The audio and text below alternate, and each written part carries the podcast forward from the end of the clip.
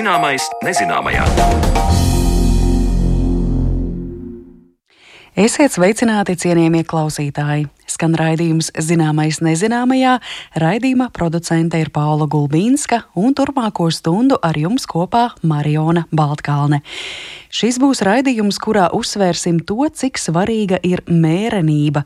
Dzīvē mērenība nepieciešama it visā, un mēs šodien plašāk runāsim tieši par mērenību vitamīnu, minerālvielu un uztura bagātinātāju lietošanā. Raidījuma otrajā daļā plašāk pievērsīsimies tam, vai līdztekus ikdienā uzņemtajam uzturam mums noteikti ir nepieciešami kādi papildu vitamīni un minerālvielas, un vai to visu varam pārdozēt cik derīgi ir multivitamīnu kompleksi un kas jāņem vērā, lai visi šie noderīgie savienojumi mūsu organismā pēkšņi nesāktu cits citu izslēgt. To tad skaidrosim sarunā ar Latvijas Universitātes medicīnas fakultātes asociēto profesori farmakoloģijā, certificētu farmaceiti Zani Dzirkali. Bet raidījuma iesākumā vēl par kādu citu mērenību, proti brīvo radikāļu un antioksidantu mērenību. Starp citu, kā antioksidanti atkal spēj darboties vitamīni kas ir brīvie radikāļi, kā tie veidojas mūsu organismā un kad kļūst nevēlami. Par to mūsu arhīva stāstā jau pēc mirkļa. Brīvais radikālis ir līdzīgs kaķim, jo kaķis dara, ko grib, un neviens saimnieks tam neko nevar iestāstīt vai piespiest. Tā puspa jokam saka Andrejs Šķesters, bioloģijas zinātņu doktors, asociētais profesors, Rīgas Stradiņa Universitātes bioķīmijas zinātniskās laboratorijas vadītājs un vadošais pētnieks. Ir pagājis mazliet vairāk nekā gadsimts kopš tā brīža, kad ķīmiķis Mūzes Gombergs uzsāka brīvo radikāļu izpēti. Līdz ar to zinātnē visai īsā laika periodā ir izdevies diezgan daudz izprast brīvo radikāļu dabu. Šobrīd jau zinām, ka brīvais radikālis ir atoms, molekula vai jons, kam ir vismaz viens brīvs elektrons, tātad elementāra daļiņa ar negatīvu elektrisko lādiņu, un šo brīvo elektronu tālāk var likt lietā dažādās norisēs. Brīvo radikāļu pasaule ir daudzveidīga, to veido vairākas grupas. Ir skābekļa un slāpekļa brīvie radikāļi, ir skābekļa un slāpekļa aktīvās formas, un tām pieskarsimies arī tālākajā sarunā. Stāstu turpina Andrejs Šķesters. Pats pirmais tāds brīvais radikālis, kurš varētu teikt eh, vienas pasakas, vārdiem ir maigs kā jēriņš. Tas ir superoksīds vai eh, zinātniski izsakoties superoksīda aniona radikālis. Nekādu sevišķu ļaunumu viņš nevar nodarīt. Līdz kamēr viņš satiek, piemēram, brīvu dzelzceļu jonu, brīvu varajonu, brīvie radikāļi, tad sākot no superoksīda, sāk dzīvot, nu, nosacīt savu dzīvi. Īsu, bet vienalga. Pieņemsim, satiekās ar slāpekļa oksīdu, veidojas ļoti spēcīgi slāpekļa mm, radikāļi. Savienojas ar chlorātomu, kas arī mums ir organismā. Tāpat mēs ļoti labi zinām par uh, fagocitozes procesiem, par fagocītiem, kad nu mūsos ir nokļuvusi kāda sēne, vīrus, baktērija vai galu galā vienkārši skabarga. Tad organisms pats par sevi mobilizē uh, fagocītus, un fagocīti tad izmanto arī vienu no nu, es gribētu teikt, visaktīvākajām, viskodīgākajām, visagresīvākajām uh, brīvo radikāļu formām, kur radikālim ir pievienots chlors. Maisaimnieces noteikti ļoti labi zina, ka kādreiz, un arī vēl tagad, ir ļoti daudzi tīrīšanas līdzekļi, kuros izdalās aktīvais chlors. Apmēram tāpat, protams, uh, nesalīdzināmi zemākās koncentrācijās ir arī fagocitos procesos.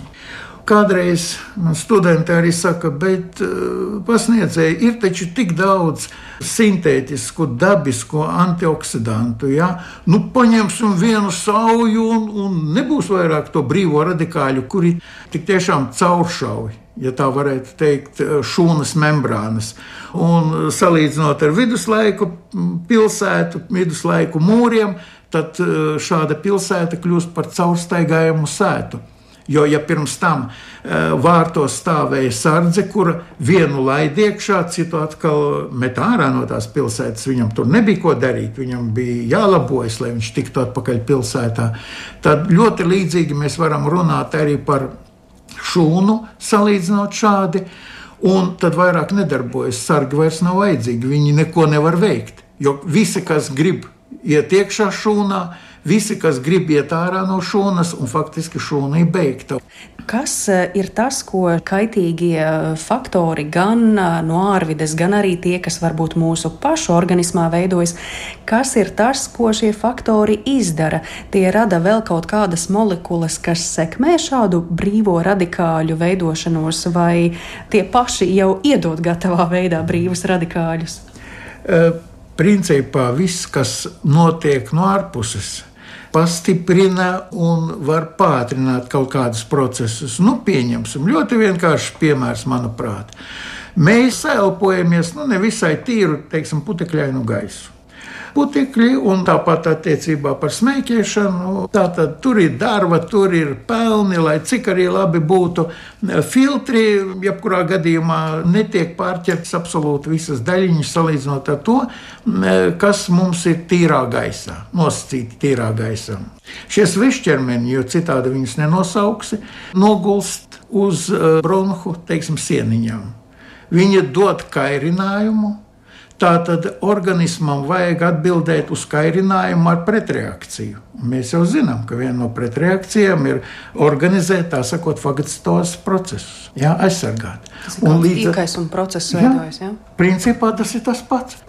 Tad jau mums jāpāriet uz nākamo soli, jārunā par uh, stresu, jeb uh, gudri izsakoties oksidatīvo stresu, kurš principā sastāv gan no tā, ka mēs uh, saņemam kaut kādu ārvides kairinājumu, un ne tikai putekļus, tā ir arī temperatūras krasas izmaiņas, tā ir elektromagnētiskais starojums. Protams, mēs varam runāt arī par radiāciju, mēs varam runāt par ķīmisko aģentu ietekmi un, un tā tālāk, un tā joprojām.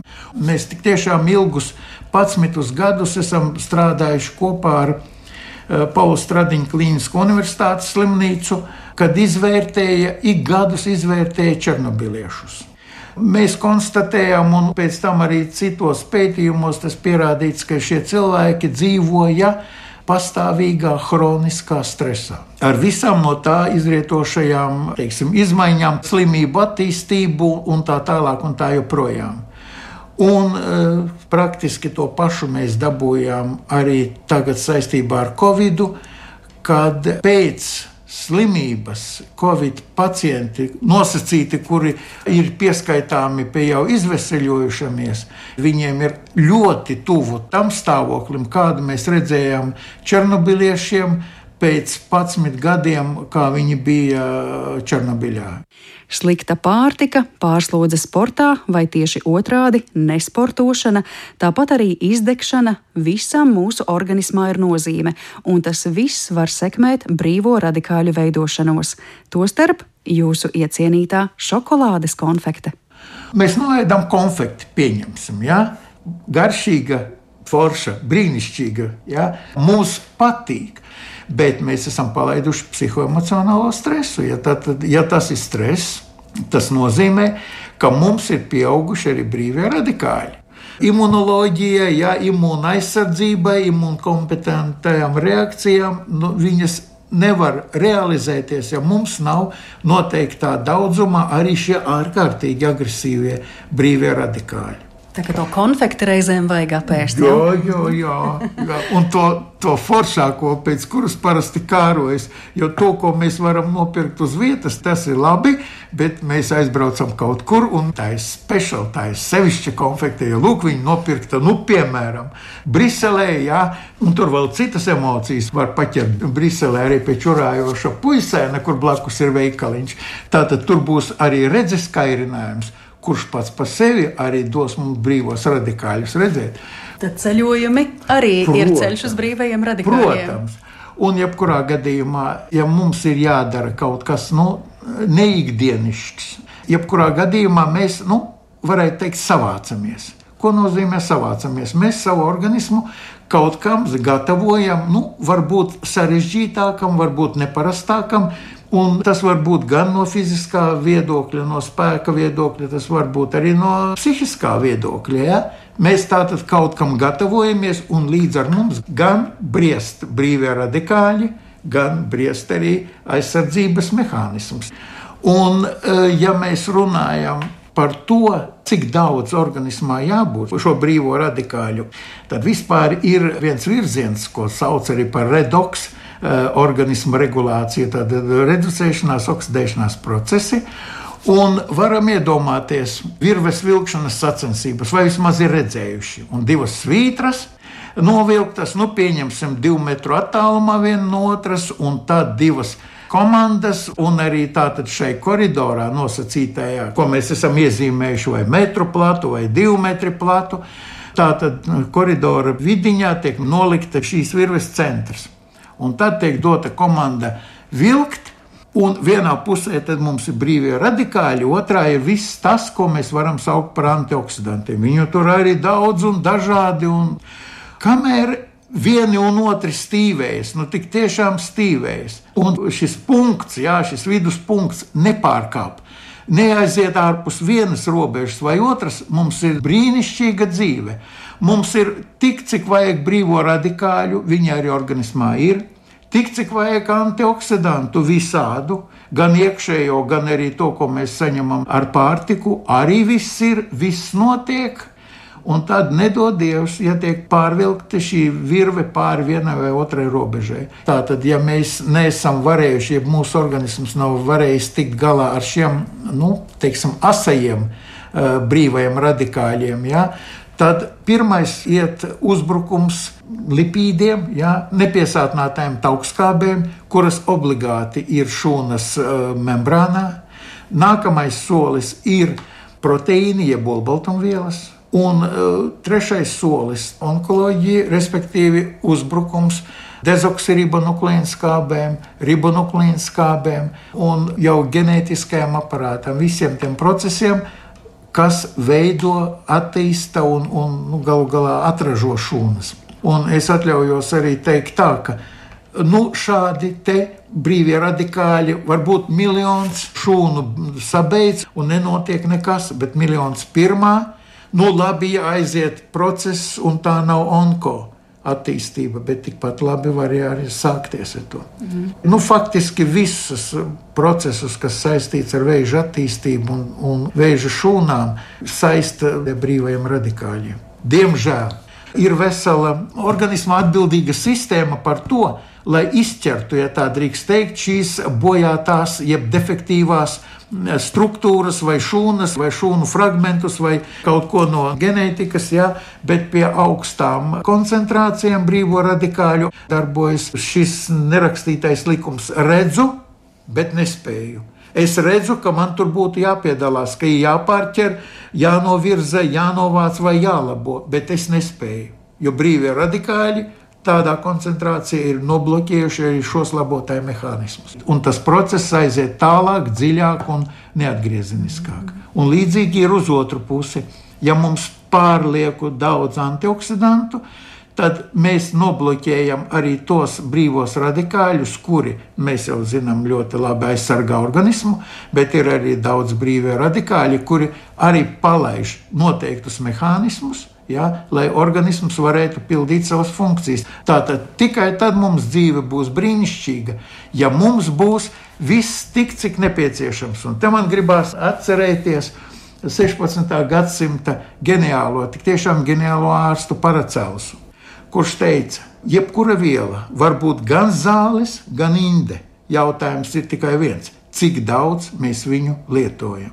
Un ar brīvajiem radikāļiem un ar antioksidantiem šis zelta likums ir absolūti darbojošs. Ārsta Teofrasta Paracelza vārdi par mērenību attiecināmi arī uz to, kā antioksidanti spēj mainīt kažoku uz otru pusi. Piemēram, ar agresīvo hidroksila radikāli ļoti labi spēj tikt galā tādi antioksidanti kā vitamīns E un vitamīns C, taču atkal Ja abi šie vitamīni vai tikai viens no tiem mūsu organismā ir par daudz, tad tie paši kļūst par brīvajiem radikāļiem. Atceroties, ka starp brīvajiem radikāļiem un antioksidantiem jāsaglabā līdzsvars, jautāju Andrejam Šķesteram, kādā pārtikā antioksidantus meklēt. Es parasti arī eh, studentiem aicinu viņus pirmkārt savā ģimenē. Ēst smaržīgi, ēst krāsaini un ēst dažādi. Kāpēc krāsaini? Nekas nesatur tik augstu, nu, salīdzinoši augstu šo antioksidantu, pie tam absolūti dažādo antioksidantu kopumu, kā tie dārzeņi, tie augļi, galu galā arī uh, garšvielas, ja, kuras ir krāsainas. Un tāpēc, ja jūs piemēram, saldos piparus eh, salātiņos, nu, negriežat vienīgi sarkanos. Nu, viens sarkanais, viens zaļais, viens dzeltenais, viens oranžais. Perfekti. Pa pus kaut vai piparam. Ja? Un saprotiet, ka jūs dabūsiet četrus dažādus, ārkārtīgi spēcīgus antioksidantus. Tāpat viss, kas ir smaržīgs. Tas ir vesela smaržu buķete ar ārkārtīgi daudz dažādiem, sarežģītākiem pēc ķīmiskās struktūras vai vienkāršākiem.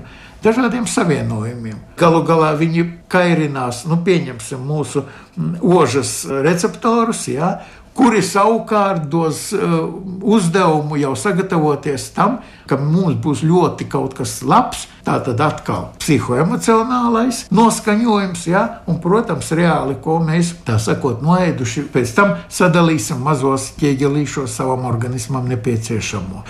Un, protams, zivis, zivis un vēlreiz zivis. Nu, mūsu mājās saka tā jūras mošķi, ja? vēl precīzāk jūras lopi esat kaut kur ārpus Latvijas, siltās zemēs, aizmirstiet par gaļu, teiksim tā, par karbonādiem. Atcerieties par astoņkājīšiem, atcerieties par visa veida gliemenēm un arī par zālītēm. Un kaut vai to nedēļu, divas pārējiet lūdzu uz šo nosacīti vidus jūras dietu. Andrejs Česters ar saviem kolēģiem savulaik izstrādājis ārstniecisko sejas krēmu pacientiem ar metabolo sindromu, kas ietekmē daudzas orgānu sistēmas, tostarp ādu. Krēms pētījumā devis rezultātus, bet vēl labāki rezultāti novēroti tiem pacientiem, kuri krēmu lietojuši kopā ar iekšķīgi uzņemtiem antioksidantiem, proti selēna tabletēm. Jā, var gadīties reklāmas triki konkrētu produktu, tostarp sintētisko vitamīnu patēriņam, bet nevienmēr. Attiecībā uz selēnu dienā var izdzert vienu tableti aptiekā iegādāta selēna, bet dienas devu var iegūt arī ar 3,5 kg ķiploku. Izvēle ir katra paša ziņā.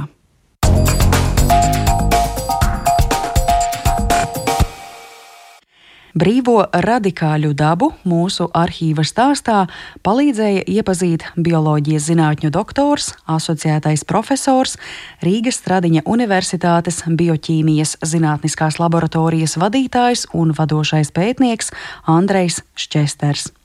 Bet tālāk iepazīsim, vai un cik daudz vitamīnu un uztura bagātinātāju mums ikdienā nepieciešams papildus uzņemtajai pārtikai.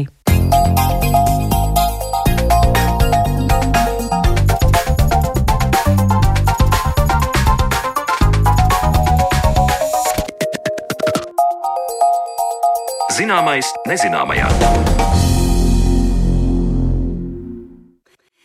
Tablete šim pulverītis tam, mēdzam domāt, ka uzņemtais uzturs nevar pilnvērtīgi nodrošināt visas mūsu organisma vajadzības, tāpēc rokas sniedzas pēc uztura bagātinātājiem.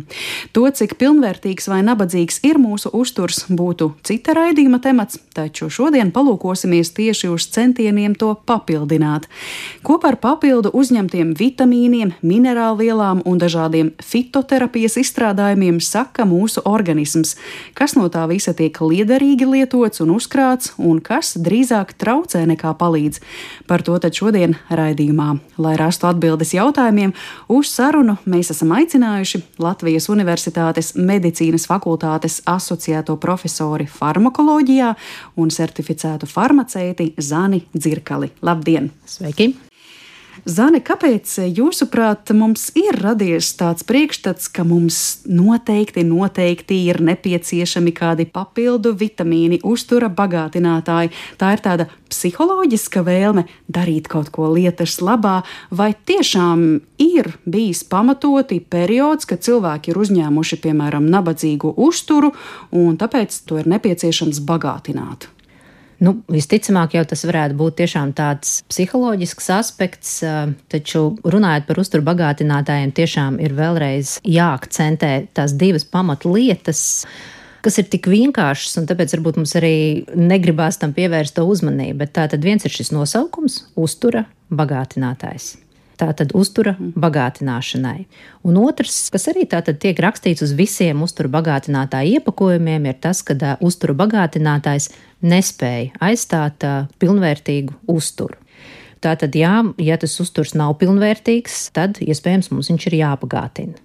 Un atkal tātad bagātinam uzturu, jo viņš nav pilnvērtīgs, bet atceramies to, ka uzturu bagātinātājs nevar aizstāt pilnvērtīgu uzturu tam visam ir jābūt nu, tā balansētam.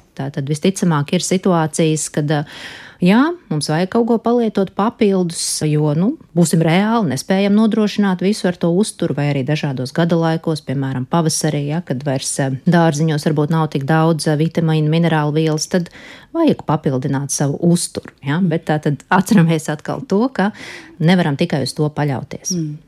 Iespējams, kaut ko ir darījis arī mārketings un kaut ko mums veiksmīgi iestāstījis. Nu, galu galā šiem stāstiem par aknu attīrīšanām, jeb detoksa kūrēm ir bijusi liela ietekme uz patērētājiem. To ir ļoti labi izmantojuši arī tā saucamie ietekmētāji sociālo mēdīju vidē, un cilvēki tam ļoti veiksmīgi seko, vai ne?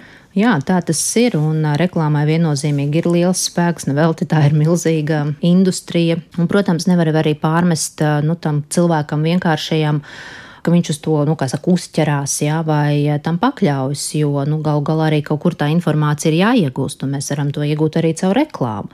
Protams, ir jautājums, cik tā ir korekta kaut kādā brīdī. Un ļoti piekrītu šim aspektam par aknu attīrīšanu. Jo nu, tā tad jā, ir cilvēkiem tas viedoklis, mēs paņemsim kādu tabletīti nu, vai vienalga pulverīti, un jā, tas tā tad uzlabos aknu darbību. Bet Tieši tā ir jāpaturprātā, ka tas ir vēl viena ķīmiska viela, kas aknām ir jāpārstrādā. Tātad, jebkas, ko mēs liekam papildus klāt, ir papildus slodze aknām. Tieši tāpatās kā, piemēram, sauļošanās, pārsauļošanās, rodas iekaisums, un tas ir aknām jātiek atkal ar to visu galā. Ja? Mm. Tā kā te atkal sāks tas aburtais lokus, tad varbūt kaut ko mazāk un vienkārši iedzeram ūdeni, papildus, lai tad aknas jā, varētu vieglāk strādāt. Tad atslogojam, nevis liekam vēl kaut ko virsū. Jā varētu teikt, ka šī tabletīte vai pulverītis mums sniedz ļoti lielu labumu, jo nav tik daudz jāgramo, nav tāda slodze jāpatērē, un taču orgāniem visas sulas jāizdala, lai tas viss gramotos un tā tālāk. Tā kā varētu būt tāds atspējs it kā mūsu gramošanas sistēmai, bet no otras puses, jūs jau teicāt, šī tabletīte pulverītis nu noteikti neiedos pilnībā visu, ko mums iedod ēdiens, un ēdiens, es domāju, tā taču ir arī bauda estētika, smarža, garša, bet tomēr ir kādas tiešām priekšrocības visiem tiem pulverīšiem, tabletēm. Jā, noteikti. Un uh, es arī noteikti negribu nostāties uh, tikai vienā pusē, kā lietot tikai uzturu, nu, tātad uzņemt vitamīnus, minerālu vielas ar uzturu, uh, vai atkal nu, tikai uh, par uzturu bagātinātājiem. Tieši tā, tas situācijas ļoti dažādas. Piemēram, tātad mēs varam paskatīties zinātniskos rakstus uh, par magniju uzņemšanu. Un, protams, tāpat tās ir atrodama informācija, ka magnīs ir pietiekamā daudzumā pārtikā. Taču izrādās, ka tā tad magnīs, kurš ir graudaugos, riekstos, sēklās, šajos produktos ir arī tāda fitīnskābe, jeb inozitols un izrādās, ka tā traucē uzsūkties magnijam organismā. Skaidrs, šeit ir tā niša uzturu bagātinātāja ražotājiem, ja, ka tā tad ar uzturu mēs nevaram uzņemt pilnvērtīgi šo magniju, jo tā tad ir vielas, kas arī traucē no šī dabiskā mm. produkta uzsūkties. Un tajā pat laikā, piemēram, fitīnas kābēji ir atrodami pētījumi, ka tai ir antioksidatīvas īpašības, pretiekaisuma darbība un ka tā varētu palīdzēt cīnīties ar onkošūnām. Nu, tā tad profilaktiski varbūt novērst vēža attīstīšanos. Nu, tad šeit jautājums, ko tad mēs izvēlamies? Vai mēs izvēlamies magniju, vai mēs izvēlamies pasargāt sevi no vēža? Tā pareizā atbilde droši vien būtu dažādība, un mērenība. Tātad dažāds uzturs, jā, labi, varbūt ar graudaugiem mēs neuzņemsim pietiekamu magnītu daudzumu, jo tur būs vēl citas vielas, kas traucēs uzsūkties, taču mēs varam izvēlēties papildus arī kādus zaļo lapu salātus, kur ir magnīs, pupiņas, pākšaugus. Un, savukārt, ja tā tomēr mums ir aizdomas par magnītu trūkumu, tad varbūt lietojam papildus kā uzturbagātinātāju, kur nebūs šīs dabiski traucējošās vielas. Tad cik vispār pareizi un jēgpilni ir ražot šādus multivitamīnu kompleksus, kur patiesībā viens izslēdz otru, un to magnītu reāli nemaz neiegūsti, tev ir jāēd citi pārtikas produkti, tad varbūt labāk ir vienkārši ražot tikai vienu konkrētu vitamīnu, kur man tajā tabletītē ir tikai D vai C, nevis tas, tas, tas, ko es reāli nemaz nedabūju. Jā, tur ir sava daļa patiesības, un būs noteikti arī pretēji viedokļi. Kas it kā to apstiprina, jā, tiešām tā tad mēs atrodam ja šos te pierādījumus, pētījumus, ka, piemēram, magnīs ar kalciju vienlaicīgi sliktāk uzsūksies, vai, piemēram, dzels preparāti sliktāk uzsūksies, ja būs tur sastāvā. Taču no otras puses, atkal skatoties, ja ir kaut kāda problēma, tad parasti nav jau tā, ka tikai tas viens vitamīns ir atbildīgs par šo problēmu. Nu, tāpat mēs redzam šos piemērus uzturbagātinātājiem, kas ir kā nomierinošie uzturbagātinātāji. Pieminētais magnīs tur būs sastāvā, plus ļoti daudzi B grupas vitamīni. Jo B grupas vitamīni, tātad katram tur ir šim vitamīnam kāda nozīme pie normālas nervu sistēmas funkcionēšanas. Ja? Tātad viens otru papildinot, dod labāku rezultātu. Un kā to izšķirt, tātad vai šo monopreparātu izvēlēties, vai tomēr kombinēto, noteikti liela nozīme būs arī ražotājiem. Jo skaidrs, ka arī šīs vitamīnu kompleksu ražotāju kompānijas veids pētījums, meklē labākos risinājumus, lai tie viņu preparāti darbotos, dotu kaut kādu efektu. Varbūt kādreiz tas tiek atrisināts ar to, ka ir pat divas kapsuliņas jāēd, viena no rīta, otra vakarā tam pašam vitamīnu preparātam, vai ir kāda pakāpeniska izdalīšanās. Tātad nevis tā tableta uzreiz izšķīst kuņģī zarnās, bet lēnām pārvietojoties pa mūsu zarnām, tātad viena daļa atbrīvojas augšējā daļā, kāda zemāk, un tā, piemēram, var panākt to, ka darbosies gan viens, gan otrs taisnība, ka arī ļoti bieži tiešām nav pamatojuma tiem salikumiem, un tas ir pārspīlēti varbūt šīs reklāmas. Jo, protams, visi jau balstās kaut kādos zinātniskos pētījumos, tā skaitā arī šie paši ražotāji un reklamētāji. Tikai jautājums, kuru daļu no tā pētījuma mēs paņemam, kuru teikumu. Ja? Tātad vai tas apstiprina mūsu domu? Nu, protams, tas, kurš neapstiprina, to mēs ignorējam. Ja? Mm. Kādreiz, piemēram, bija uzskats, ka magnīs nevar uzsūkties bez B6 vitamīna, un tad mums tā iegājas magnīsa B6 vitamīna obligāti kopā jālieto. Nu, izrādās, ka nav tik strikti tie nosacījumi, jo tas ir attiecināms pirmām kārtām tieši tikai uz vienu magnīja sāli, uz magnīja laktātu. Tur tā kā jā, varētu būt, ka B6 vitamīns palīdz magnijam iekļūt iekšā šūnā, Bet nu, tas nav tā, ka viņš nestrādātu vispār bez tā B6 vitamīna. Bet savukārt atkal pamatojums, kāpēc lietot kopā, ir tas, ka, ja mēs gribam tā tad, nu, nomierināt to nervu sistēmu, kur magnijam var būt pozitīva loma, tad arī B6 vitamīnam ir tādas pašas īpašības, nu, un tad lietojot kopā, iespējams, ka darbosies labāk. Atgriežoties pie stāsta par vitamīniem un domājot par kādām konkrētām situācijām, ar kurām cilvēki noteikti būs saskārušies, trausli nagi, nagu ziedēšana, muskuļu krampji vai vājāka nervu sistēma, šie gadījumi bieži tiek saistīti ar vitamīnu trūkumu.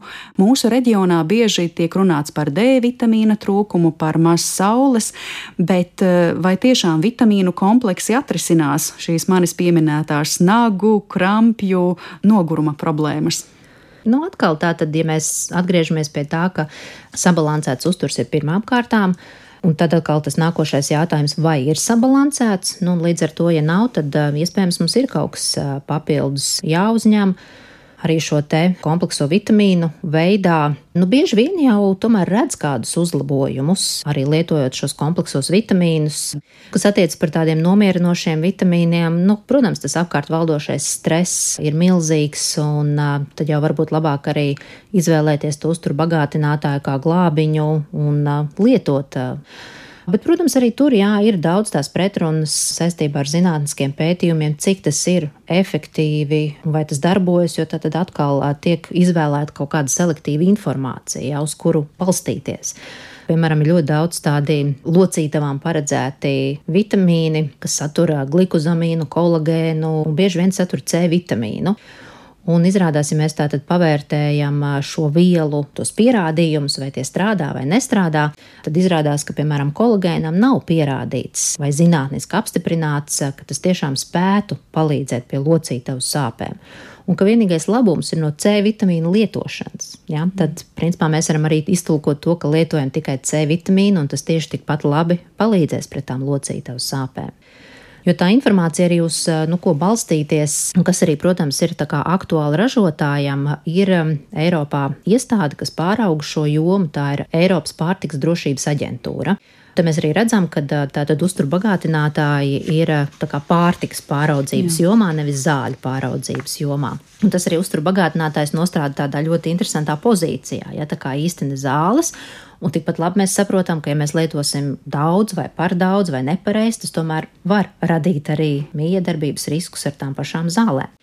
Nu jā, bet tā tad šī Eiropas pārtiks drošības aģentūra, viņa apkopo tādas veselīguma norādes, izvērtējot dažādus pētījumus, pētījumus arī uz cilvēkiem, un tad dot to savu slēdzienu, vai attiecīgā veselīguma norāde ir atbilstoša, vai viņa ir apstiprināta. Nu, un tad, kā es minēju, piemēram, locītavu vitamīniem, C vitamīnam ir apstiprināts tas, ka var palīdzēt uzlabot, mazināt šo iekaisumu locītavā, un savukārt kolagēnam tas nav.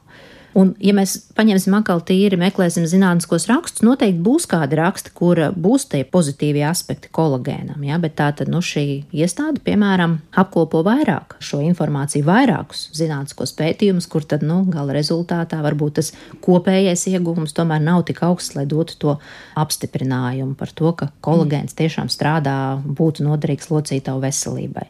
Nu, un, attiecīgi, arī ražotājiem ir saistoši tas, ka uz šī iepakojuma, tas ir tā saucamās marķējuma prasības drīkst norādīt tikai tās īpašības, kas ir apstiprinātas šajā Eiropas pārtikas aģentūrā, tās veselīguma norādes.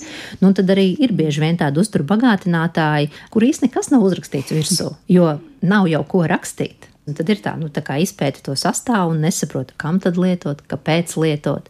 Jā, par skādi nenāks, it kā, ja palietos arī to kolagēnu, bet lai nav tā, ka tur no aiz matiem ir izvilkts, jā, un cilvēks tam atkal notic. Nu, vairāk tas ir vienkārši tiešām tāda naudas izmešana. Jā. Bet, nu, nevar arī, protams, šo psiholoģisko aspektu izslēgt. Arī mēs zinām, ka ir pierādījumi par to, ka strādā placebo. Nu, cilvēks tic, ka tas palīdzēs. Es atzīšos, ka es pati arī esmu saskārusies ar situāciju, kad tu mēģini saprast, kas tad tev nāktu par labu. Nu, piemēram, ļoti liela stresa, normālas negulēšanas, nēšanas rezultātā sāk uh, pastiprināt izkrist mati. Līdz ko gulēšanas, ēšanas režīms sakārtojas, līdz ko stresa ir mazāk, mati uzreiz arī to jūt. Bet Vienalga nostrādā šī sajūta, man kaut ko vajag. Matiem papildus, kādus vitamīnus, un ir tā ticība, ka tie man tomēr, tomēr sniedz to aizsardzību, vai arī pavasarī ziema beidzas, ir kaut kā tas refleks, vajag iet uz aptieku, kaut ko dabūt iekšā pēc šīs garās nogurdinošās ziemas. Un tad ir tas jautājums, vai tas ir vairāk tas placebo efekts, vai tomēr tie vitamīni strādā. Mēs vienkārši to efektu tā nejūtam, bet ja mēs tos nelietotu, nu tad būtu pavisam slikti gan tam organismam, gan tiem matiem. nu, vitamīni strādā. Nu, tas ir pierādīts, nevelti tas nosaukums ir dzīvības amīni. Tie mm. uztur mūsu dzīvību un piedalās daži, dažādās reakcijās mūsu organismā. Tas pats magnīts skaitās 600 reakcijās piedalās. Nu, kā mēs viņu izslēgsim? Nu, protams, ka nē, mums ir viņš vajadzīgs. Nu, kā būtu, ja mēs nelietotu, nu, to mēs varam tikai pateikt, tad, ja mēs to izmēģināsim, ja mm. mēs uztaisīsim šo pētījumu. Un tad arī vai uz vienu cilvēku, vai būs tās populācijas grupas, kur mēs salīdzināsim, kā ir tad vai tad. Bet tas, ka stress mums ir viens no visbriesmīgākajiem faktoriem, kas mūsu organismu bojā, viennozīmīgi. Mm. Jā, tā tad varbūt pirmais ir tiešām cīņa ar stresu vai vienkārši sabalansēts tas dzīvesveids, mērenība, mērenība ir visā, gan darbā, gan uzturā, tad arī uzturu bagātinātājos un medikamentos. Tas būs noteikti labākais risinājums. Zane, kā ir ar vitamīniem, kuri spētu varbūt sintēzēties mūsu pašu organismā? Mēs atkal bieži vien runājam par D vitamīnu, un tāpēc mums vajag uzturēties saulītē. Vai tas ir vienīgais, kas var mūsu organismā sintēzēties, un visu pārējo tad mēs uzņemam papildus, vai ir tomēr vēl kaut kas, kas mums veidojas? Nu, vitamīni ir jāuzņem papildus. Īsti viņi mūsu organismā nesintēzējas, un arī šobrīd ir uzskats, ka arī D vitamīns nepietiekami sintēzējas saules gaismā, jo tad parādās arī riski, piemēram, uz ādas vēzi. Tātad atkal, nu, kā to visu sabalansēt, cik daudz ir jāuzņem papildus. Tā kā īstenībā mūsu organismā tie neveidojas. Tātad viens no svarīgākajiem variantiem, kā uzņemt, ir tieši ar uzturu, jo uzturs var nodrošināt pietiekamu vitamīnu, minerālu vielu uzņemšanu. Daudz arī, piemēram, jā, tiek runāts par to magnītu, ka pietrūkst, un jā, tiešām varbūt pietrūkst kaut kādai populācijas daļai. Un tāpat mēs aizmirstam, piemēram, ka magnīju mēs ļoti labi uzņemam arī ar ūdeni, jo arī ūdens sastāvā ir magnīs.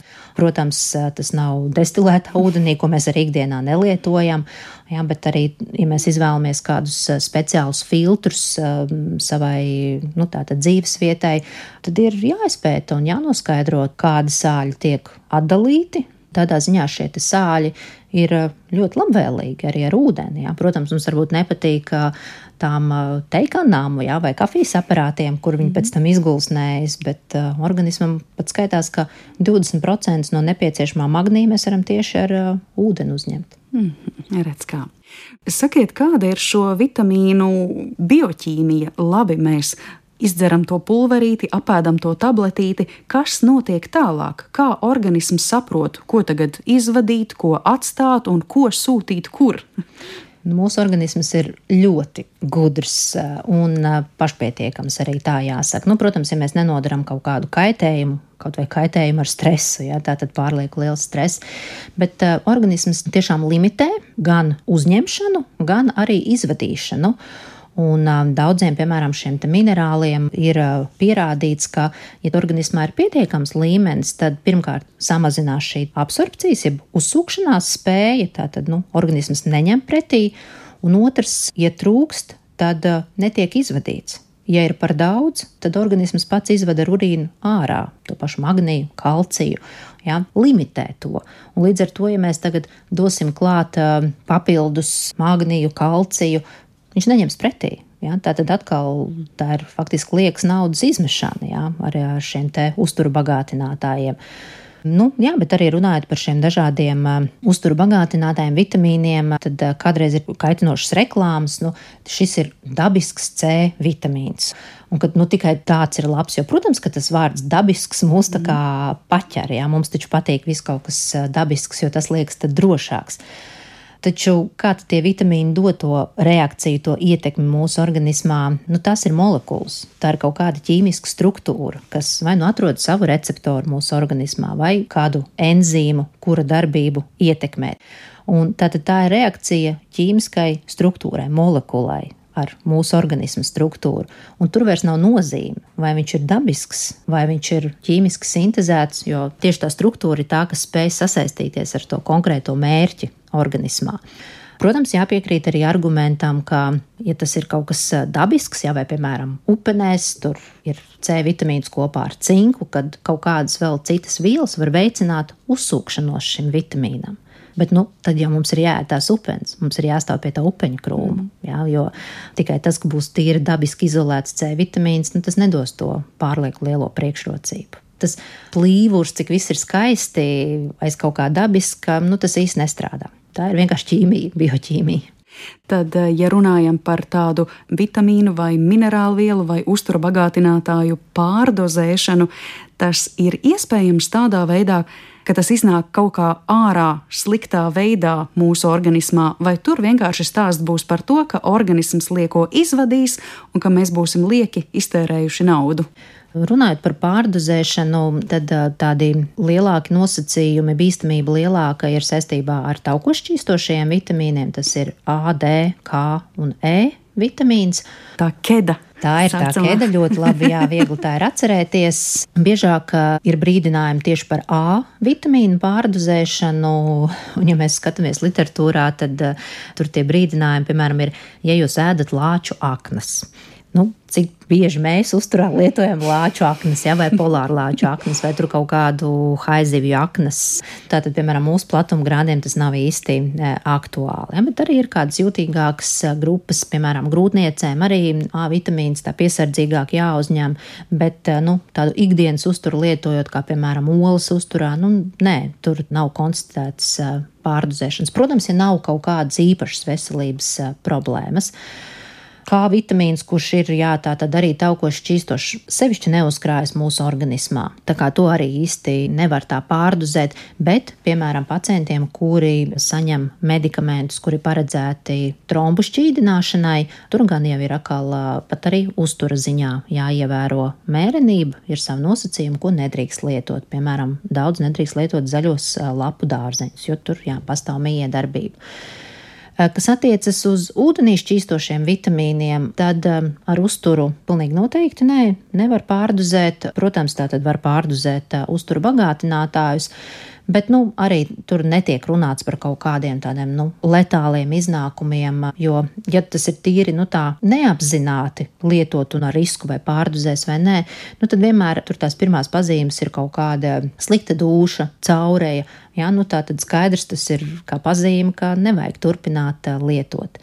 Nu, tad arī ir parādās brīdinājumi par dzelzs lietošanu, ka tā tad to var par daudz lietot arī kalciju, bet atkal vairāk tas uzsvers ir tieši uz uh, uzturu bagātinātājiem, nevis pārtiks produktiem.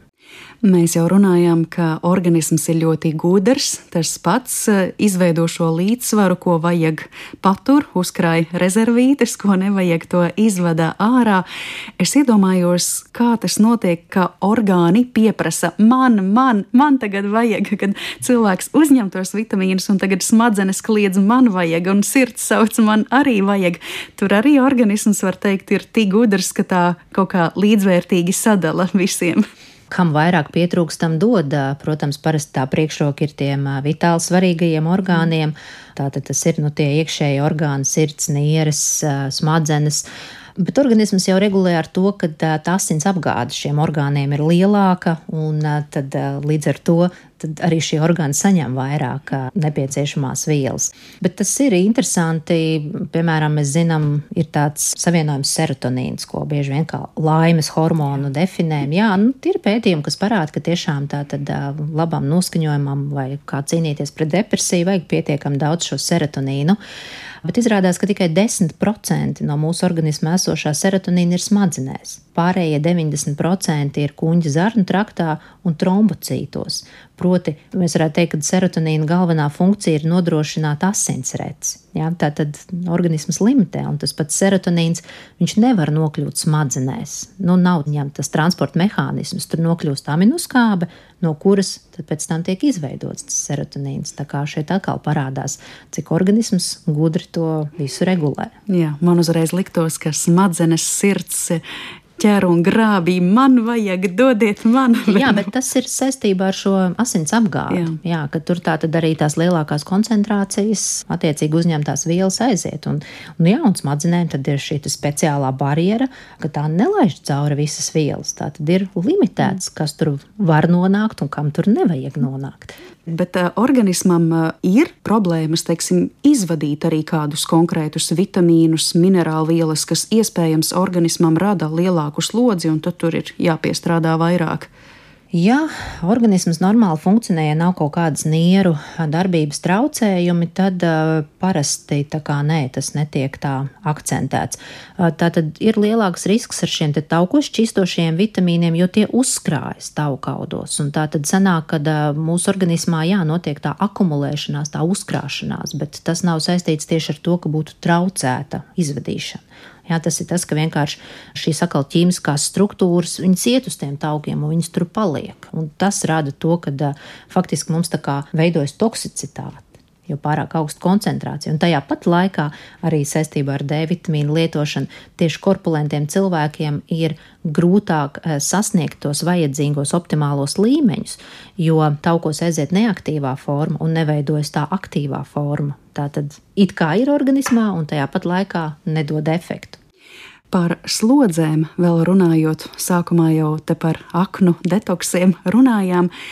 Kas tad uh, iztur to lielāko slodzi attiecībā pret vitamīniem un visiem uztura bagātinātājiem, jo runājām, ka tas tomēr organismam ir papildus sloks, vai tās ir tās pašas aknas, vai varbūt vēl kādi citi orgāni, nieres, piemēram? Eh, nu, droši vien, ka tā lielākā slodze būs eh, aknām, ne tikai ar tādu negatīvo pieskaņu, bet eh, aknas ir vispār tas orgāns, kurš ir atbildīgs par ļoti daudz dažādām bioķīmiskām reakcijām mūsu organismā. Tā skaitā arī nodrošina oksidēšanās reakcijas, un kas ir vajadzīgs vienkārši mūsu normālajai organismu funkcionēšanai, tāpat tās antioksidatīvās sistēmas. Līdz ar to, jā, nu, tās būs tās, kas droši vien visvairāk reaģēs uz to. Nieres, nierēs notiek regulācija, jā, tātad cik daudz vielas kādas tiek izvadītas ārā. Bet nu, pirmām kārtām tas būs aknas, jā, kurām tā informācija ir jāapstrādā. Jo tas ir ne tikai kādiem vitamīniem, bet arī medikamentiem. Kad medikaments sāk darboties, vai šis vitamīns sāk darboties tikai tad, kad tas jau ir izgājis vienreiz cauri aknām, mm. nu, caur asinsriti, kļūst kaut kāda aktīvā forma. Tas pats ir D vitamīnam. Jā, tātad D vitamīnam ir vairākas aktīvās formas. Viena veidojas aknās, tad veidojas nierēs. Tātad, ja kāds no šiem orgāniem nestrādā, tad vienkārši neveidojas tā aktīvā forma. Bet, protams, te vēl vairāk parādās tas aspekts, ja mēs ar kādiem citiem faktoriem tās aknas noslogojam.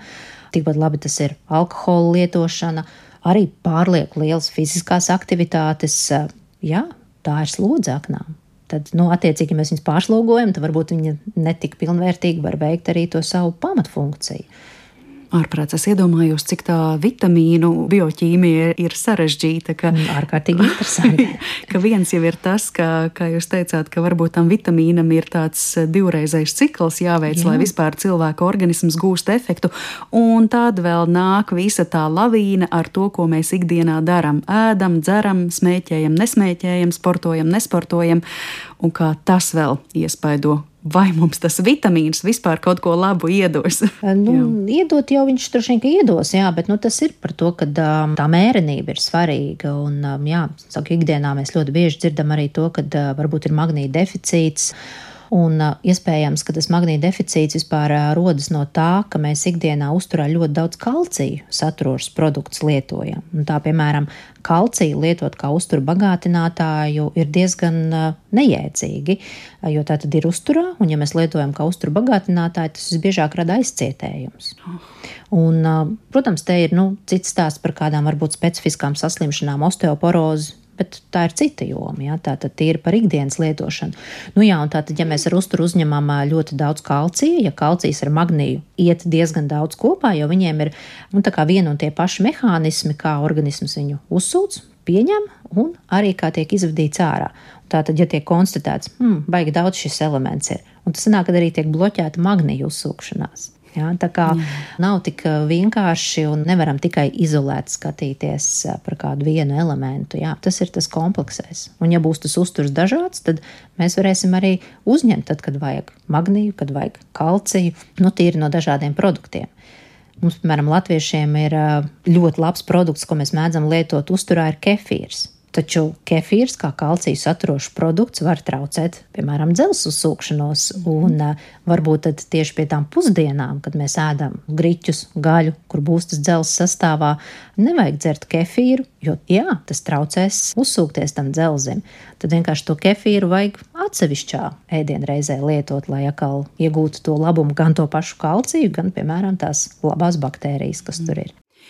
Un eh, visbeidzot, eh, minējāt jau vārdu kolagēns, un šajā uzturā bagātinātāju rindā mēs varētu arī minēt klāt probiotiķus, glikozamīnu. Tad vēl bija arī ļoti populārs ābolu etiķis, vēl visādas eļļas un eļļiņas, ko cilvēki mīl.